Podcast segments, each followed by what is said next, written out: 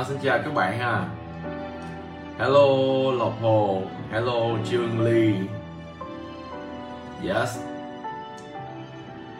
Hello Đình Trung, chào các bạn. À, xin chúc mừng các bạn à, chào ngày mới nha. Chúc một ngày mới có nhiều năng lượng, nhiều những niềm vui trong mỗi ngày.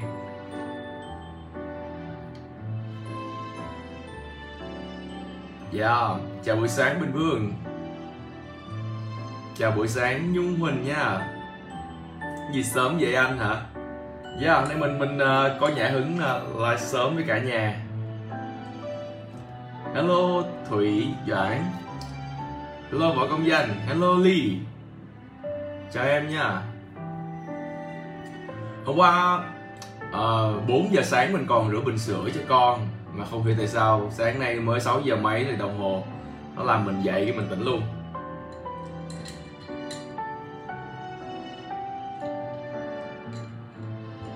yeah, nhạc chill ha. Mình hay nghe mấy thể loại này. Thể loại này là nhạc uh, không lời buổi sáng và Giáng sinh. Dạ. yeah.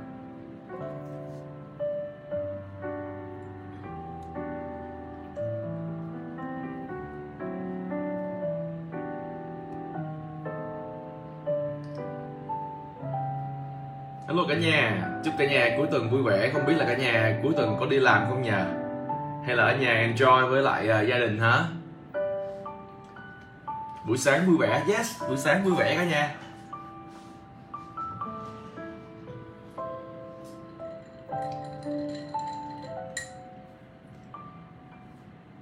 Tin nhắn Facebook làm em thức luôn Mở notification Facebook của anh mở nhạc này cà phê sáng thì nó chiêu thôi rồi luôn yeah chiêu chiêu thôi rồi luôn.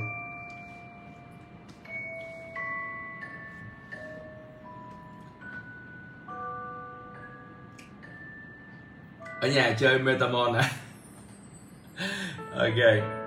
Ở làm yeah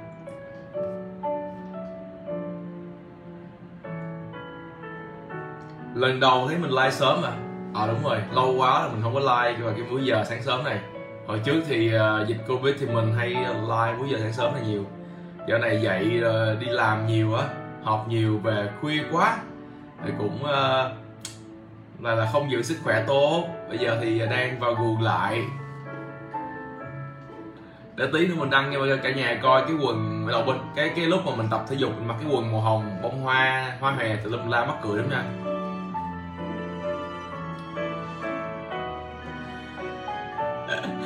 Hello anh Tuấn. Để mình nhỏ nhạc lại.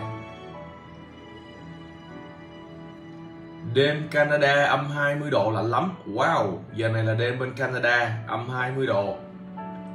Yeah, vẫn phải đi kiếm tiền DCA thôi. Yeah, khúc hát DCA như bao ngày ha à.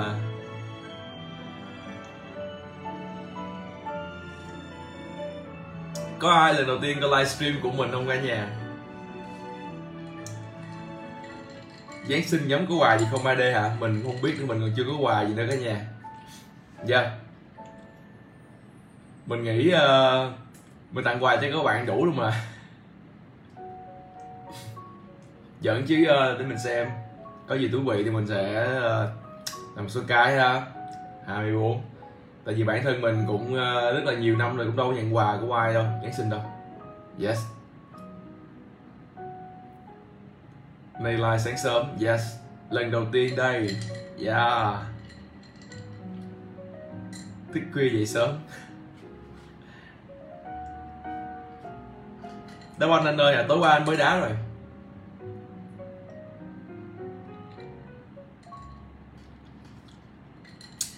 À, lần đầu tiên coi thì bạn có thể thấy mình nó lạ lại một tí. Nó không giống ờ, version của mình ở trên uh, youtube ha không giống version của mình ở trên youtube. Hello anh phạm xuân tuấn à chào anh chào anh tuấn. Chào anh. À, dư quá rồi từ 19 tháng 5 đến giờ. Dạ cảm ơn tất cả mọi người. Cảm ơn quang lương lê nha. À, anh Tuấn đang cơ cấu portfolio thêm bọt cho mùa thêm đót cho mùa tới. Yes. Ok anh. Giáng sinh tàn đi tặng quà không được nhận quà. Ở trên này mình nói chuyện về lifestyle nhiều hơn nhé. Anh em có thể làm ơn uh, đừng hỏi uh, hôn con này con kia rồi stuck ở đâu. Thứ hai là những chuyện kỹ thuật thì mình không có bàn sâu về. Anh em có thể vào trong group để hỏi thăm các anh em khác ha? Cảm ơn các anh em. Hello nguyễn quốc việt. Dậy sớm để thành công. Mùa này dậy sớm để DCA đúng rồi. Mùa này thay vì bật khóc thì chúng ta hãy bật ạp lên và chạy grab để có thêm nhiều nguồn thừa tiền để mà DCA thêm các cái đồng coin mà bạn cho đó là tiềm năng trong mùa sau ha. Và mỗi người sẽ có một cái tiềm năng khác nhau. Rồi và đặc biệt là à, những cái con hàng. Chúng ta thấy nó quá đã quá thơm quá thích nhưng mà à, ta không làm gì được bởi vì chúng ta đã hết portfolio rồi hết cạn money rồi ha hãy cạn cash flow rồi. Hello chúng com chào em. Chúc anh cứ từng vui vẻ. Yes tối nay đi casino kiếm tiền DCA yeah.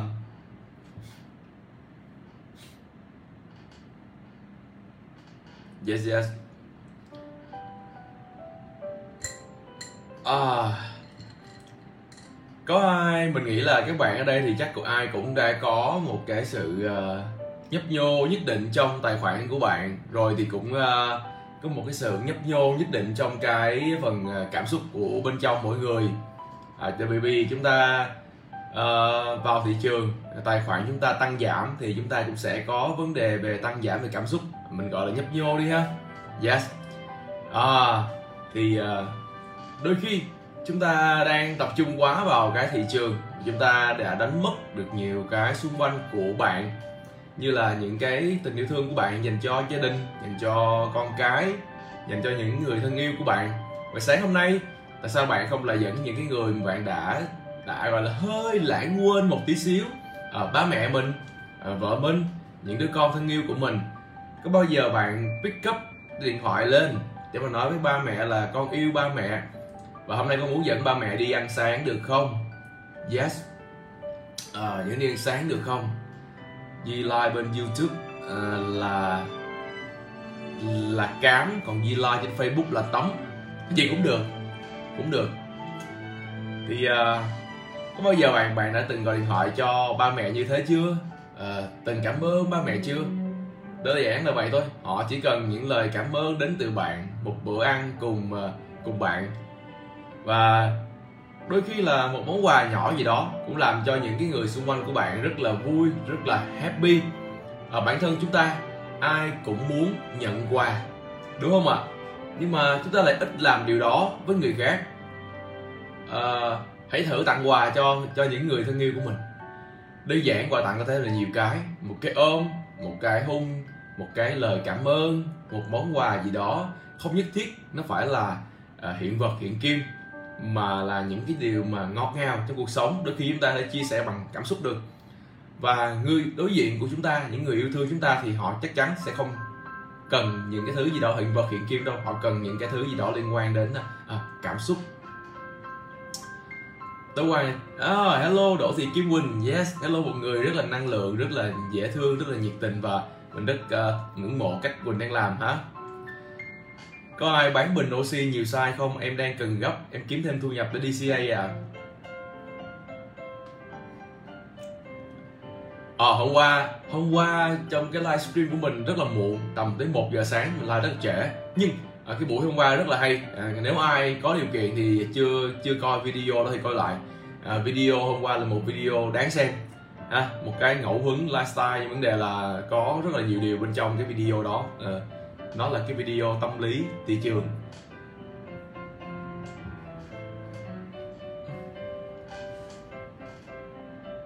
Chào à, chào anh chính nguyễn nha. Xin chào anh chính nguyễn. À, hello lâm tiến thuận nha. Rồi anh đã làm chưa? Rồi mình thường xuyên nói lời yêu thương với ba mẹ à, dẫn ba mẹ đi ờ, ăn sáng đúng ra à, sáng nay là có lịch đi ăn sáng với ba mẹ thì mình sẽ không livestream với cả nhà. Thường thứ bảy thì sẽ dẫn ba mẹ đi ăn sáng. Ngồi với ba mẹ uống cà phê hay là đi đâu đó ăn sáng rồi à, rồi về thôi. À, thì ông bà rất là vui khi mà nhìn thấy một cậu con trai mà cũng không thể nào có thể tưởng tượng được rằng à, cậu con trai ấy à, có những cái ngày hôm nay. Bởi vì um, sao ta? Các bạn biết rồi hồi xưa mình không bình thường như mấy đứa trẻ khác. Cũng kiểu uh, kiểu nó không bình thường với đứa trẻ khác tức lại là nó vậy. Không được ngoan không được uh, như ai đó gọi là thì uh, con nhà người ta đó đúng rồi không không phải như con nhà người ta. Nhưng mà hỏi mẹ là cuối cùng lại có có happy không? Mẹ nói là rất là happy khi mà thấy mình ở một phiên bản kiểu như thế này sau nhiều cái biến cố trong cuộc sống.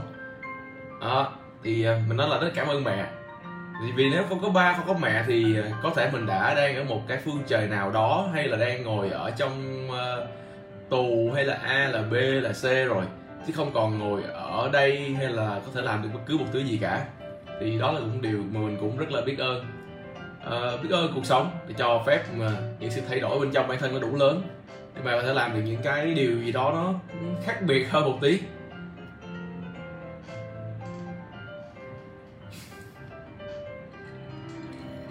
Ờ, uh, 80 phần trăm 90 phần trăm những người uh, xung quanh thường sẽ uh, kêu là uh, mình mình fail.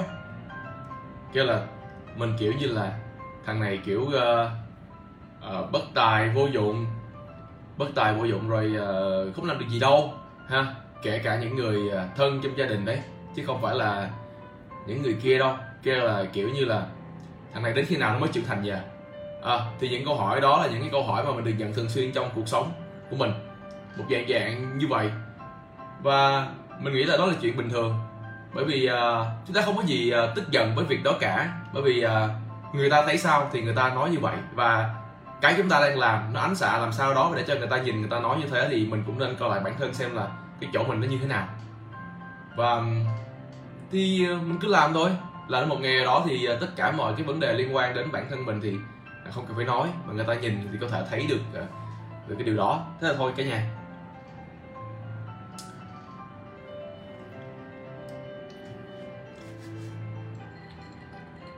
Và mình uh, nhắn gửi cả nhà thôi. Trong mùa này thì uh, cứ hãy enjoy với cuộc sống và đặc biệt là hãy làm những thứ gì đó cho những người thân yêu của uh, gia đình uh, của mình nhé yêu thương mọi người nhiều hơn. Ok.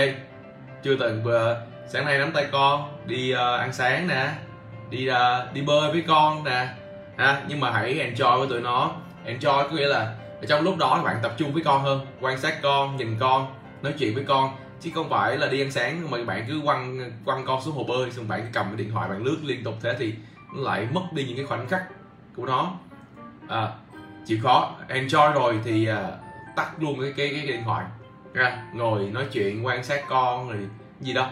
Tức là là enjoy một tí xíu cho phép mình tắt cái điện thoại đi. Các bạn ha. Thì lúc đó cái buổi nói chuyện của bạn cái buổi giao lưu bạn của gặp gỡ bạn nó sẽ trở nên thú vị hơn rất là nhiều. Dạ. Yeah. đúng rồi uh, tân đặng quốc tân ơi. Yes. Học cách yêu thương và biết ơn ba mẹ gia đình. Trước nhiều những mất mát xã hội cuộc sống. Yeah ai cũng sẽ gặp những điều biến cố trong cuộc sống nhưng mà gia đình sẽ luôn là cái người mà ở gian vòng tay rộng mở đón chúng ta trở về lúc nào cũng vậy cứ khó khăn gì thì hãy quay trở về đây. Ở nhà có ba có mẹ luôn luôn sẽ cùng bên cạnh con ha? Thì uh, những người đó là những người sẽ không buông bỏ bạn. Đấy thị trường có thể buông bỏ chúng ta nhưng mà những người đó thì luôn tay vòng tay dạ gian vòng tay rộng mở đón chúng ta về. Yes.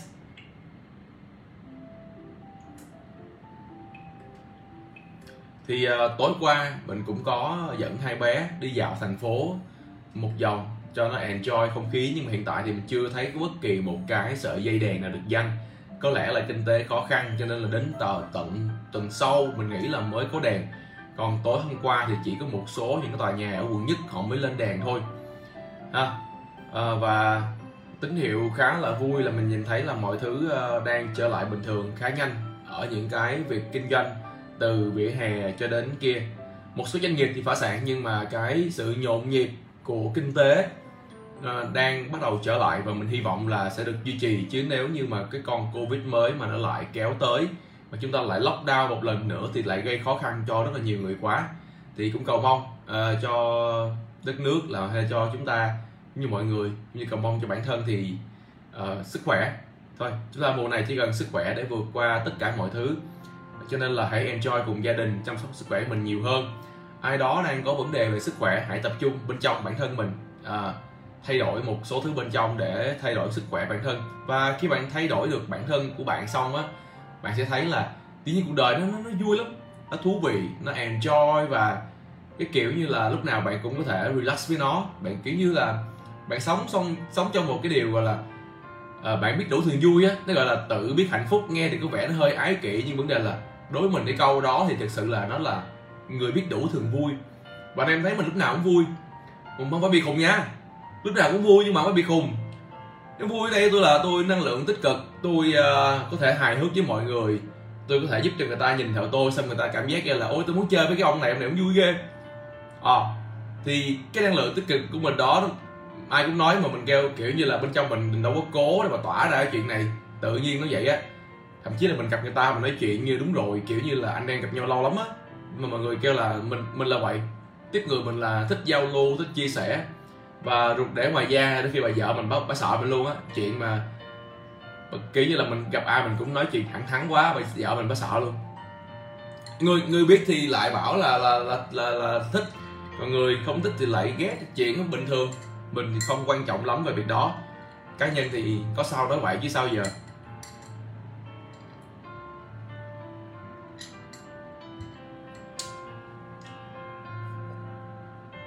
Yeah. Hello Duy Trần, anh ngủ ngày mấy tiếng vậy? 2 tiếng rưỡi. Hôm qua tầm gần 4 giờ mình vẫn còn rửa bình sữa xong mà đang hấp bình sữa. 3 giờ thì ngồi chơi với vợ tí xíu nói chuyện, hai vợ chồng nói chuyện nhau.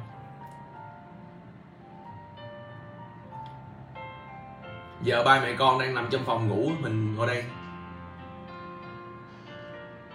Hôm qua đá banh với lại uh, Duy luôn nè, với mấy anh em bên Hidden Gem vui lắm vui nhà này có mấy anh em sinh hoạt cũng vui quay vô guồng lại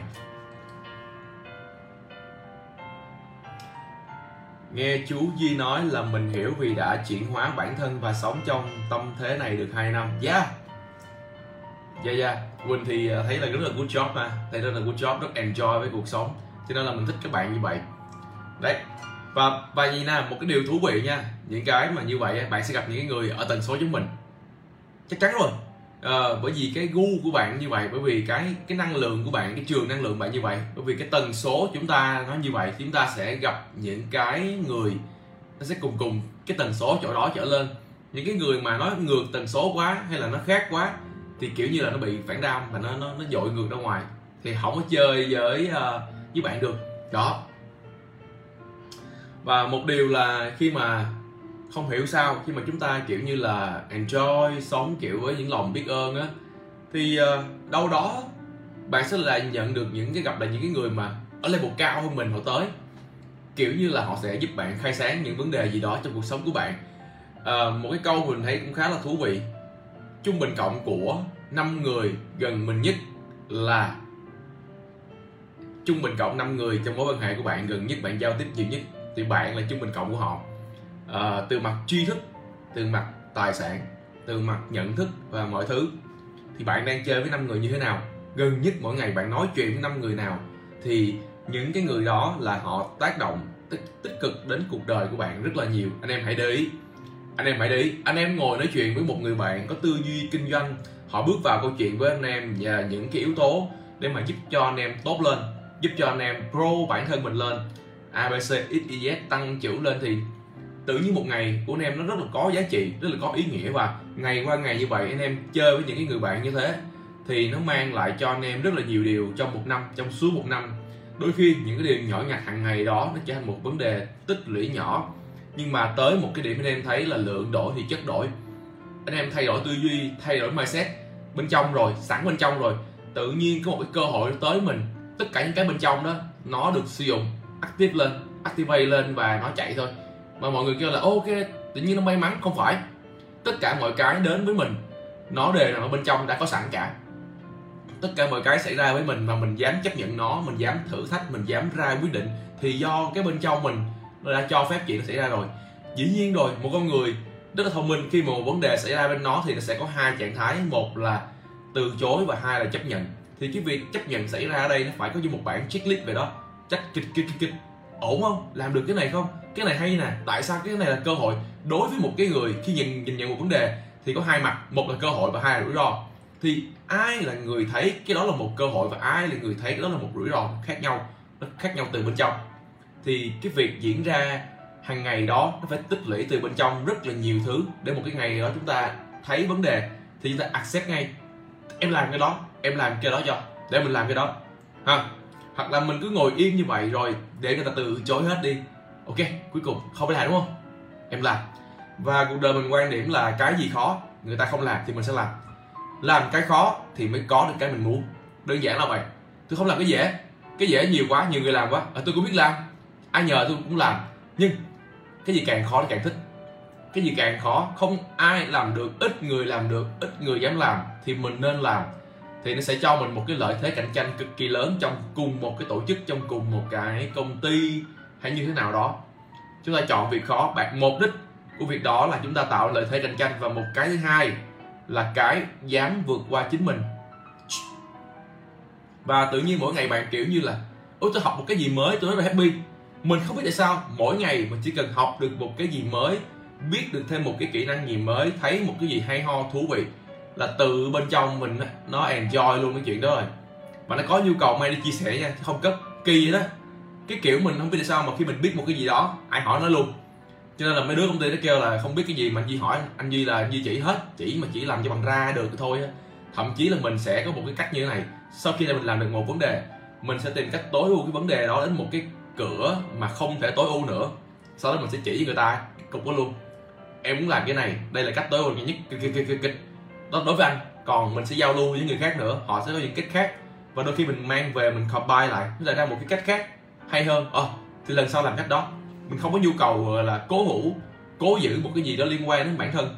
Mà hàng ngày là cứ kiểu uh, open ra được. Ừ mày nói cho tao nghe nói tao nghe nghe hết. Nghe đi nói để tao nghe. Tao nghe xong rồi tao làm thử luôn. Tao thử luôn. Thử được thì tao sai cách đó luôn.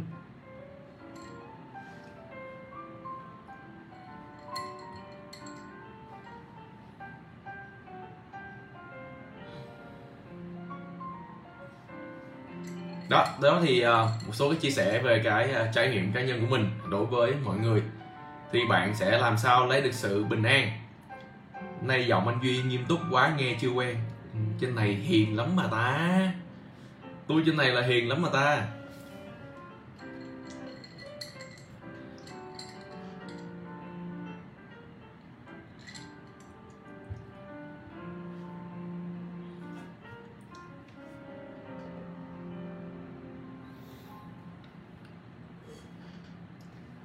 Yes.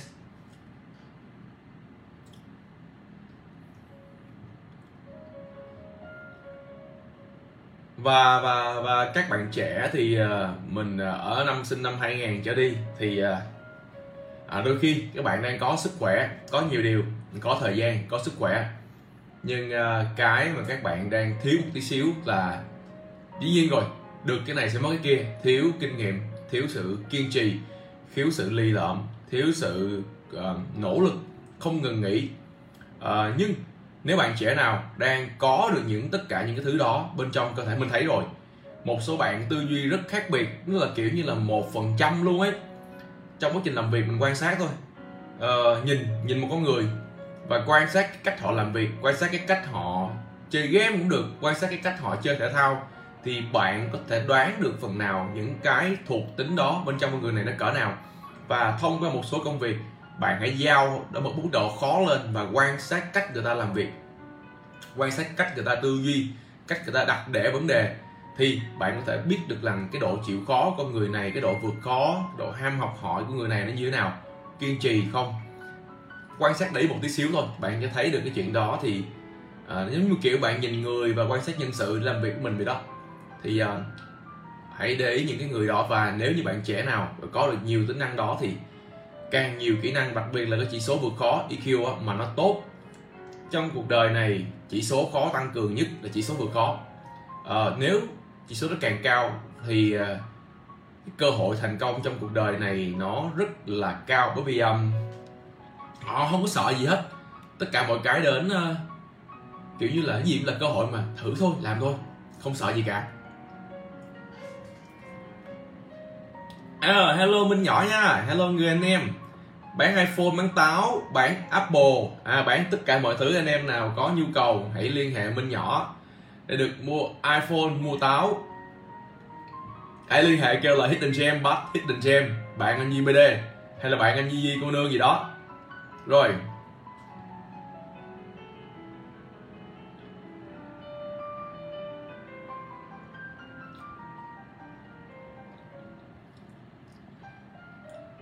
À, bạn nói là làm sao chia sẻ cách để giữ được trạng thái tập trung cao độ và cố gắng đạt được mục tiêu làm khó mà mình đề ra đi anh. Ok. Ok, giảm 50% cho mua iPhone luôn hả? Ghê vậy. Bán gì lỗ đây em ơi. Đừng có vui vui thôi, đừng có vui quá nha. Vậy là sai rồi, vậy thì tí nữa vợ em sẽ cho em ra đường quỳ gối. Tự nhiên bán iPhone, buổi sáng người ta bán kiếm lời thay vì lời 20% thì thôi, bây giờ giảm cho anh em 10% tôi lời 10% đi giảm 50% rồi tiền đâu mà vợ con ăn nữa em. Thế là bảo sao không quỳ gối vợ em lại đi xét đi kiếm anh nữa. Kiếm anh nữa kia tự nhiên lên coi livestream cha này chi rồi ngồi, tự nhiên nói chi bị snapshot rồi bắt bán giảm giá 50% đồ. Sao vậy? Thôi nha, vui thôi, đừng vui quá.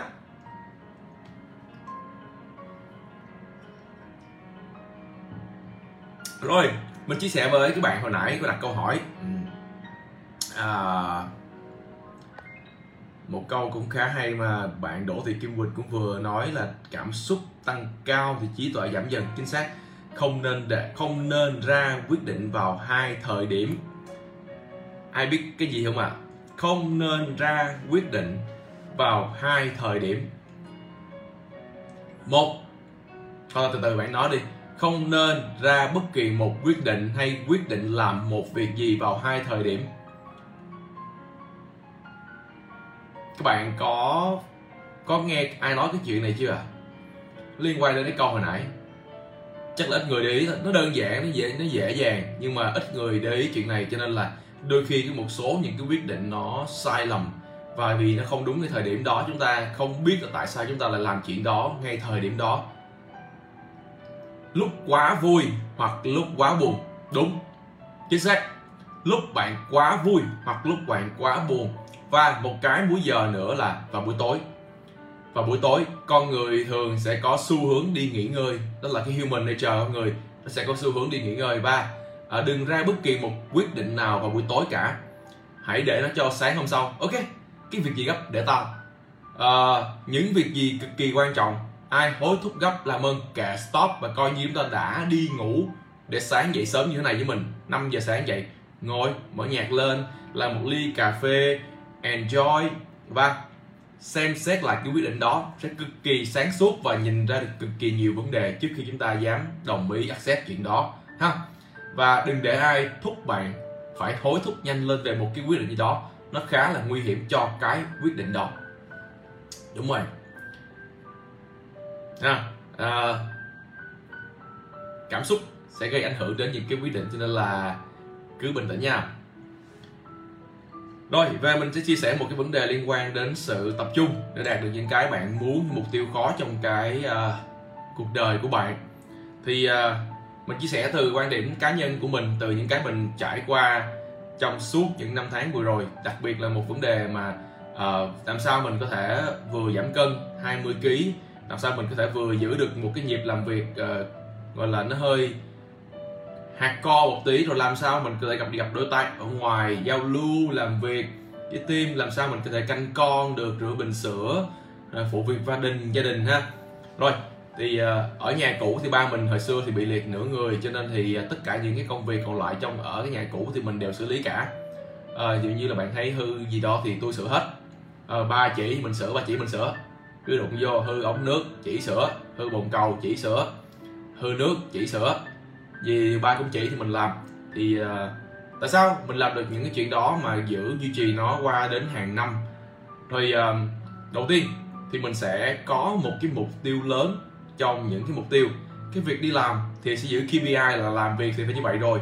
Nhưng trong một giai đoạn đó thì mình giữ một cái target lớn. Bạn biết là bạn sẽ tập trung 70% năng lượng của mình cho một cái việc gì đó duy nhất và tạo nên kết quả vượt trội và đột biến, đúng không? Thì cái kết quả vượt trội và đột biến và sự thay đổi mà mình muốn đặt cái target tùy vào giai đoạn thì cái giai đoạn mà mình muốn giảm cân thì ờ, mình sẽ dành tất cả những cái gì đó bên trong cái phần tư duy của mình, enjoy của mình vào hết cái vấn đề liên quan đến vấn đề giảm cân là ăn như thế nào, ăn lên làm sao, tập như thế nào và mỗi ngày mình đều sẽ phải có trong đầu là sáng hôm nay mình sẽ tập bao nhiêu phút? Hôm nay mình sẽ tập cái gì? Hôm nay mình sẽ ăn những cái gì? Hôm nay ăn rau đâu gì đó? Thì mình tư duy tất cả mọi thứ lộ trình để liên quan đến vấn đề giảm cân đó. Và một ngày sáng dậy bước lên cái cân mà thấy giảm được 0,2 lạng là một sự thành công. Và mỗi buổi sáng bước dậy một phát là thấy thành công rồi. Bước lên cái cân giảm 0,2 lạng có nghĩa là tôi đã nỗ lực đầy đủ ngày hôm qua và thành công nó mang lại cho bạn một cái niềm tin rất là lớn và hạnh phúc và enjoy. À, rồi sau khoảng chừng tầm một tuần hai tuần bắt đầu giảm một hai ký người nhẹ hơn nhanh hơn mọi thứ nó vào guồng máy hơn.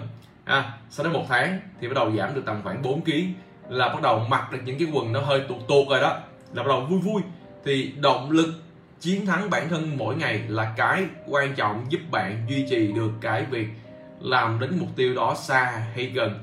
Rồi và mình chia nhỏ tất cả mục tiêu. À, mỗi ngày mình chỉ muốn giảm 0,1 lạng. 0,1 lạng. Thì như vậy em mới đặt xe 30 km từ 5 giờ sáng này anh. Yeah hello Nhật Anh Nhật Anh là một người rất là cũng quan tâm cơ thể dã man. Enjoy cuộc sống và sống freestyle làm DJ chụp hình đủ thứ hết. Thì à, mình thích những con người giống như vậy. Những anh em có đầy đủ trải nghiệm trong cái cuộc sống rất là vui rất thú vị. Và đừng ngại va đập đừng ngại va chạm bất cứ một thứ gì cả hãy cứ ai nói gì đó thì mình hãy cho nó một cơ hội. Ha không phải là cơ hội không phải là một gì đó thì á à, ít nhất là chúng ta đã được có thêm một cái kinh nghiệm trong một cái mảng đó. Thì đừng bây giờ từ chối bất cứ thứ gì ha anh em. Rồi dĩ nhiên là sẽ có chọn lọc nhé chứ không phải gì cũng bợ vô làm đâu chuyện nhà người ta tự nhiên bay vô hai vợ chồng người ta đang cãi lộn bay vô giảng hòa. Không đúng là tự nhiên ăn bạc tai nha.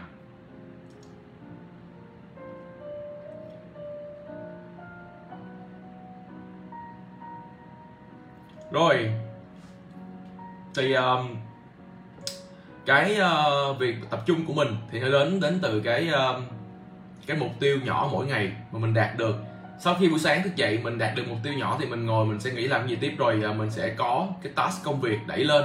Thì uh, mình sẽ chọn hai ba task quan trọng nhất cần hoàn thiện trong ngày.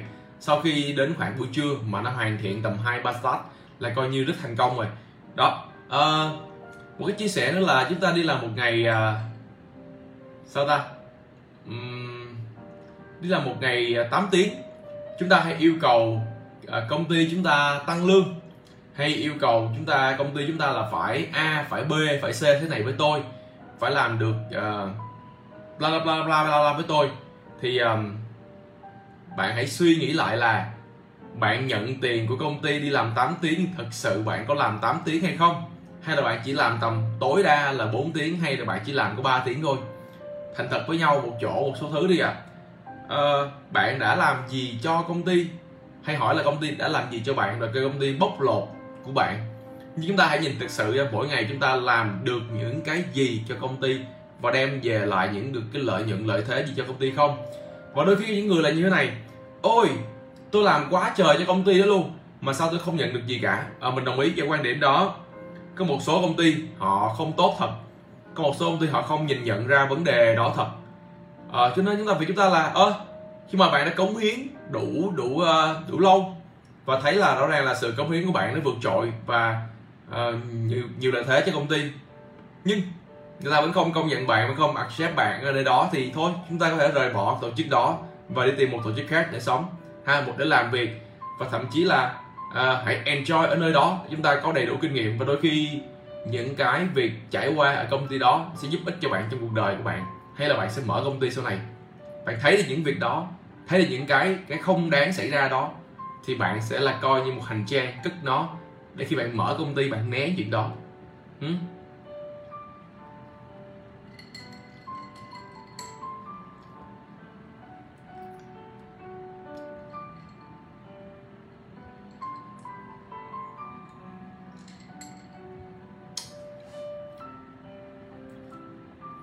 rồi vậy ha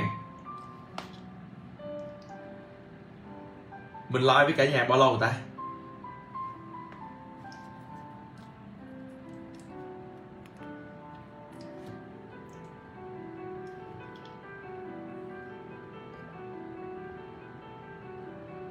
Công ty mới tăng lương cho em xong hả? Còn bạn nào muốn hỏi gì không à?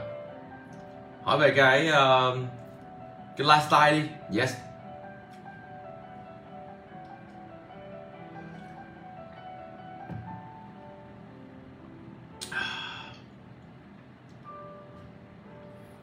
ba mươi lăm phút. Yes, ba mươi lăm phút. Ok cả nhà.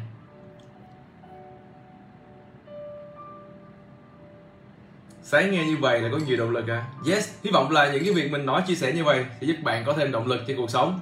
Và biết đâu những cái này nó sẽ thay đổi tích tắc bạn trong một thời điểm nào đó mà bạn ra quyết định a. À, và đừng bao giờ phó mặc cái ờ, cái ờ, đừng bao giờ mà bạn sao ta? Giao phó những cái nhiệm vụ những cái trách nhiệm những cái mục tiêu của mình cho người khác. Ông huấn luyện viên đó phải có nghĩa vụ giúp tôi a b c c c bla bla bla bla bla. Uh, đừng đừng bao giờ làm như vậy. Hãy uh, tôi sẽ làm gì cho bản thân của tôi vào những ngày đó để đạt được cái mình muốn? Đặt một câu hỏi ngược thì à, những người ở ngoài coi như là những chất xúc tác giúp chúng ta thêm một tí xíu để đạt được những cái mục tiêu đó thôi, ha? Đừng bao giờ mà quy trách nhiệm hay cho bất kỳ ai hay là à, mục tiêu của tôi không đạt được là do ông không chỉ tôi, do ông không bám sát tôi.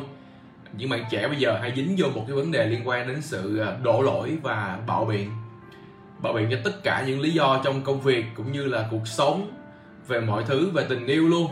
Chúng ta đã không tìm hiểu kỹ nhau, chúng ta đã không chịu lắng nghe nhau, không chịu lắng nghe bản thân cho nên là không thể lắng nghe người khác được. Đó là một cái chuyện mà nó cũng phải nằm ở một cái tầng bên sâu.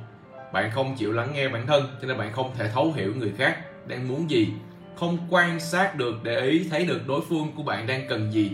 Họ cần một cái ôm, họ cần một lời động viên họ cần một lời hỏi thăm, họ cần một ly nước chanh. Thế thôi thì bạn có nhìn ra được những cái chuyện đó hay không hay là, ơ, phải nói mới biết chứ không nói làm sao biết? Ủa, vậy thế sao không nói? Vậy thế sao không hỏi nhau một lời là, hôm nay đi làm có mệt không? Hôm nay đi làm có gì vất vả không? Thôi thì ờ, có gì vất vả thì kể nhau nghe rồi sau thì thôi để em pha lên nước chanh nha, thì nhìn mặt hôm nay hơi mệt. Thì có bao giờ đặt ra những câu hỏi đó cho người đối diện của mình chưa? Để hiểu họ hơn, để muốn lắng nghe hơn, để là của nhau hơn. Cho đến khi một ngày chúng ta không đặt những câu hỏi đó và chẳng bao giờ nói chuyện với nhau thì bỗng dưng kiểu như là hai tần số nó lạc nhau luôn. Hồi đầu thì rất là thân với nhau, rồi một hồi một hồi chúng ta đi đâu chúng ta không biết là chúng ta đã lạc mất nhau từ thời điểm nào. Ha, chỉ vì là đã lâu quá chúng ta chưa nói chuyện với nhau thôi. Đấy.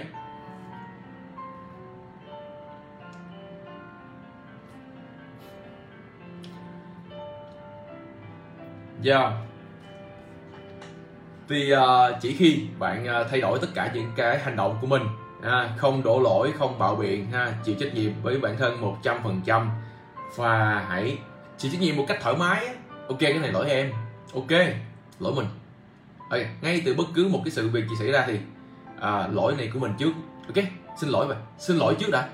Trước khi làm một điều gì đó xin lỗi trước. Xong rồi uh, biết ơn biết ơn bạn đã nói cho tôi nghe vấn đề của tôi nó như thế này. Đó, rồi. Với cái thái độ đó, mình cam kết với bạn luôn, bạn sẽ là người đi rất xa trong vòng tầm một năm, hai năm ở bất cứ một cái lĩnh vực nào. Khả năng học hỏi, sự tiến lên, sự biết ơn thì à, nó gọi là một cái từ liên quan đến từ gì hay lắm mà mình quên mất tên này nó có giải thích khá là nhiều ở chuyện đó. Nó gọi là hơi kiểu hơi à, quên mất cái từ rồi, hay lắm. Hai chữ. À làm thế nào để có cảm giác đủ đầy? Rồi cái này liên quan đến người biết đủ thường vui nè. Nếu anh em nói là đủ đầy là phải có tiền đủ đầy là phải có này abc thì đối với mình mọi khoảnh khắc trong cuộc sống đều là hạnh phúc. Ha khi mình được sống trọn vẹn là chính bản thân mình. Ở mình sẽ chọn nha đương nhiên là tôi sẽ chọn. Bạn thấy là ở thời điểm mà mình à, bị um, hết tiền á rồi bị uh, âm tài khoản nhưng mình vẫn enjoy với con mình với vợ mình với gia đình. Và mình cũng không có nhu cầu cho ba mẹ mình biết mình đang bị mất tiền nữa. Không có nhu cầu chia sẻ việc đó bởi vì mình biết cái việc đó của mình mình phải xử lý nó thôi. À, không muốn lan lan tỏa cái chuyện không vui đó đến ba mẹ để làm cho ba mẹ lo lắng. Thay vì làm cho ông bà lo lắng thì hãy để cho ông bà vui nhất có thể đến khi chúng ta xử lý vấn đề xong hết thì ngồi lại chia sẻ thì mình mới nói chuyện với ba mình là à cách đây 2 năm con đã từng như vậy. Và bây giờ con trai của bà đã xử lý xong hết tất cả vấn đề. Ô oh, lúc ba mình kêu là ui sao không nói với ba? Sao không nói abc kêu là không cần. Con sẽ biết cách để giải quyết tại vì trong đời của mình thì vấn đề của mình thì mình phải giải quyết. À, giải quyết xong rồi thì ngồi nói chuyện với ba thì cảm giác có một cái gì đó mình sự trưởng thành hơn thì đó là những cái điều thú vị và mình enjoy tất cả mọi khoảnh khắc. Thấy không?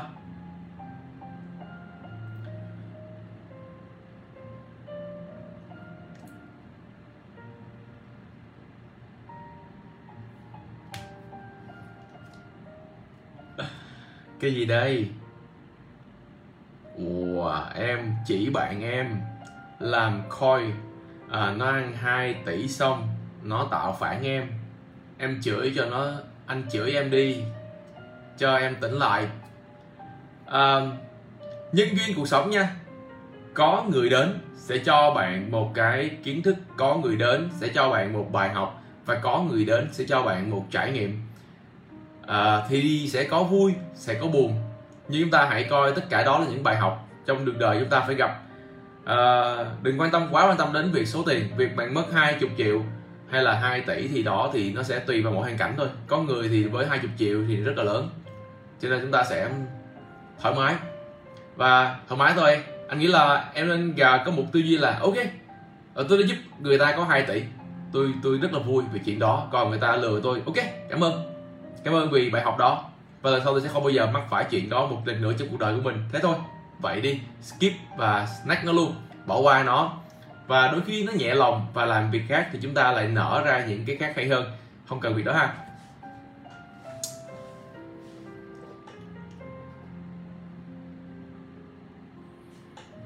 Yeah Có người đến, có người đi và có người ở lại hả?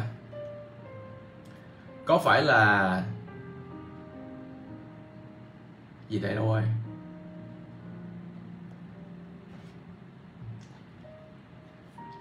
Có phải là tiền giải quyết hết tất cả mọi vấn đề không anh? À, câu này khó nha. Về cơ bản là 90% nó sẽ giải quyết được các vấn đề trong cuộc sống theo một cách nào đó và đặc biệt là xử lý vấn đề nhanh hơn rất nhiều gọn ghẽ hơn rất nhiều. À, thật ra là nó cho phép bạn có thêm một cái optional lựa chọn ở nhiều thứ. Nhưng à, không phải tất cả. Bạn không thể mua được những cái lời động viên đến từ người vợ mình. Không thể mua được những cái sự hiểu biết đến từ bản thân mình tăng trưởng thêm. Nếu như bạn không muốn học hỏi bạn may mắn có tiền nhưng mà không phải tiền đến từ sự tri thức của bạn sự may mắn. Đâu đó rồi tự nhiên học tới ông bà gọi các kiểu đồ vô mua con này con kia đi vô tình tăng gì đó thì bạn có tiền. Nhưng cái tiền này nó không bền vững. Nó không phải chơi không thể nào chơi snowball được. Bạn rồi cũng sẽ mất nó thôi. Cho nên là uh, đối với mình thì mình thích cái từ là thịnh vượng hơn là sự giàu có. Thịnh vượng ở đây nó bao gồm luôn cái nghĩa là bạn có luôn cả tư duy có luôn cả sự yêu thương và có luôn cả cái sao ta? Cái kiểu một dạng là enjoy khi mà có được tiền á. Làm tiền có tiền và có cash flow nó chạy đều thì um, nó gọi là thịnh vượng nó gọi là cái từ là wealth chứ không phải là rich. Nó sẽ khác rất nhiều với cái từ rich. Nên anh em có thể tìm hiểu kỹ lại về khái niệm của hai cái từ đó ha wealth với lại cái uh, rich khác nhau. Còn uh, chuyện là bạn nói là giải quyết được vấn đề cuộc sống nhiều không thì nhiều nhiều chứ. Thì vấn đề không phải tất cả ha không phải tất cả. Nó cho bạn thêm sự lựa chọn thôi. Nhưng vấn đề mà bạn vẫn cảm thấy không đủ đủ đầy là nó không đủ còn bạn cảm thấy nó đủ đầy là nó đủ đầy. Yes. Và money nó cho phép bạn có thêm thời gian để làm những việc bạn muốn làm. Để enjoy cuộc sống này hơn một tí để có một cái sự gì đó đảm bảo hơn một tí. Và chúng ta nên nhớ rằng không bao giờ được phép dừng lại bởi vì uh, trong cuộc sống này không bao giờ có một cái gì được đảm bảo 100% cả. Chúng ta luôn phải uh, nỗ lực cố gắng để mà gia tăng nó để bảo vệ nó để mà tiếp tục hoàn thiện bức tranh của mình.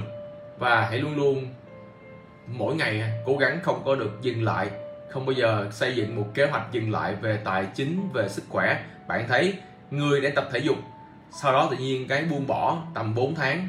Um, xong cái là thấy chúng ta bị bị đình trệ nè. Rồi kia abc thì nó sẽ đi xuống lao dốc. Rồi người đang kiếm được rất nhiều tiền ở đỉnh cao, xong rồi kêu là bây giờ tôi không muốn kiếm tiền tôi nhiều tiền quá. Cái tư duy đó, cái tư duy là tao không muốn kiếm tiền nữa, tao nhiều tiền quá. Tự nhiên trong vài tháng sau, trong vài năm sau, bạn thấy họ quay trở lại với không đồng. Mình thấy rồi nha, mình thấy rồi. Họ họ tuyên bố như vậy luôn á. Có nghĩa là khi mà bạn tuyên bố một cái gì đó nó quá rõ nét thì có nghĩa là bạn đã cho phép nó dừng lại, không phát triển nữa. Kêu là tôi là tôi là người giỏi nhất, tôi vô địch tôi à, a, tôi b, tôi c, khi bạn tuyên bố những cái chuyện đó, thì cái chỗ này của bạn nó mindset luôn là bạn sẽ không học nữa, không nâng cấp nữa. Bạn tuyên bố bạn nhiều tiền quá, bạn không muốn làm nữa, thì tự nhiên chỗ này của bạn nó sẽ không đi kiếm tiền nữa. Nó không cần tư duy để tạo ra dòng tiền, tư duy về mối quan hệ. Nó stop hết, thì trong vòng 1 2 năm, kiểu gì bạn sẽ quay trở ngược lại thị trường và đi kiếm tiền. Nó lạ lùng, nó lạ lùng lắm nha. À nhìn vậy chứ mắc cười lắm. Ừ thì đừng đừng làm ơn. Làm ơn đừng có, gọi là, tự mãn bản thân mình nhiều quá. Đừng có yêu thương nó quá. Cho thành ra là nuông chiều ha. Cứ đè nó đè nó ra huấn luyện thôi. Và nó khôn lắm. Nó sẽ chọn cái cách an nhàn nhất có thể. Có bao giờ bạn thấy bạn sọt đôi giày thể dục vào mà trước khi sọt giày á, nó kêu bạn là hôm nay mày mệt lắm rồi. Hôm nay mày làm nhiều việc lắm rồi. Hôm nay mày cần nghỉ ngơi. Hôm nay mày cần đi ăn món ngon nè. Hôm nay mày cần phải ngủ nè hôm nay mày cần đi chơi nè, đi A, đi B, C nè. Mày không nên tập thể dục đâu, ngày mai tập đi. Có ai nghe những cái tiếng nó nhỏ nó chạy trong đầu trước khi thọt cái đôi giày không? Trước khi bạn thọt chân vô đôi giày, tập dục. Bạn phải đấu trí với bản thân bạn rất là nhiều. Khi bạn chưa quen á, cái cơ thể bên trong này nó ghê lắm mà nó rất là làm thích là nuông nuông chiều chiều trụ. Được thoải mái nhất, được nhẹ nhàng nhất, được cái gì đó nó dễ dãi nhất. Có ai bị không ạ? à?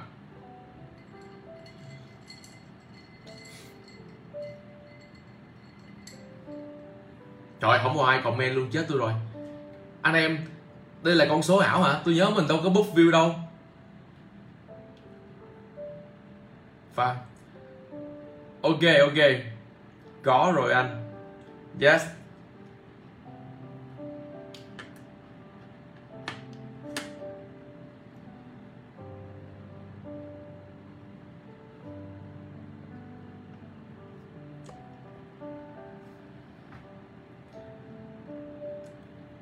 Yeah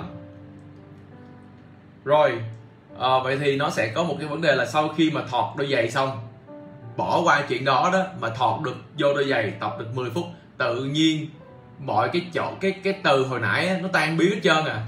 Đúng không? Nó tan biến hết trơn luôn nó bay hết ra khỏi đầu. Xong rồi tự nhiên lúc đó là thay thế bằng câu hỏi là hôm nay phải tập bao nhiêu phút ta? Mình tập được bao nhiêu phút rồi ta? Bây giờ mình phải tập cái gì ta? Đúng không? Nó sẽ thế vô chỗ đó bằng những câu hỏi y chang như vậy. Ui tập được 10 phút rồi hả? Trời bây giờ làm gì tiếp theo? Nãy giờ ra mồ hôi đã ghê. Tự nhiên, cái con người hồi nãy á, nó mất tiêu ở đâu luôn? Hello, man, thanh đặng. Đúng không ạ? Cái con người mà hồi nãy nó vừa mới đặt câu hỏi cho mình, mấy cái câu hỏi mà thôi mà đừng có làm nữa, thôi mà dừng lại đi á. Nó đi đâu mất tiêu luôn? Cuối cùng là nó thế vào những cái câu hỏi rất là đã, rất là phê. Ha, và vậy thì trong con người chúng ta, y chang như vậy, nó sẽ luôn luôn tồn tại hai cái trạng thái đó và việc của bạn là vượt qua cái thằng kia để tới chỗ này. Và mỗi ngày như vậy, vượt qua được một lần là một thành công. Ngày nào cũng vậy, đến một cái ngày mà cái con người này nó yếu đuối nè, cái thằng mà suốt ngày nó đi, nó nó kêu bạn là đừng làm nữa, bên trong thằng bạn nó yếu đi và cái đứa này nó mạnh lên bạn sẽ gọi đó là đức tính về liên quan đến kỷ luật bản thân. Thì cái đứa mà tích cực á bắt đầu nó trội hơn nó mạnh mẽ hơn là anh sẽ như nè. Trong đầu buổi sáng thức dậy là buổi chiều sẽ phải làm cái gì tập bài gì nghe nhạc gì rồi. Nó như vậy đó. À, mang đôi giày gì chơi môn thể thao nào đi bơi chạy bộ hay đá banh thì cái thằng mà tích cực nó đã có plan cho bạn luôn. Và vậy các bạn là action.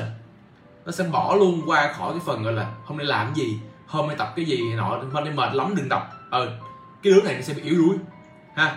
Cái thằng tích cực mà nó nó mạnh lên đó là bạn huấn luyện được cái cơ thể mình nó càng ngày nó càng mạnh mẽ lên, thì bạn sẽ thấy là thằng kia nó nó yếu lắm.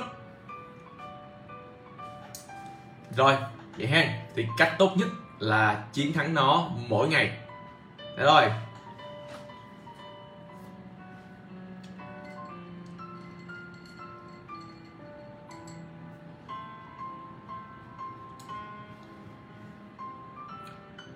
Ui, nay tâm sự vui quá ta. 8 giờ rồi Hôm nay mình sẽ lên công ty họp cuối tuần với các anh em.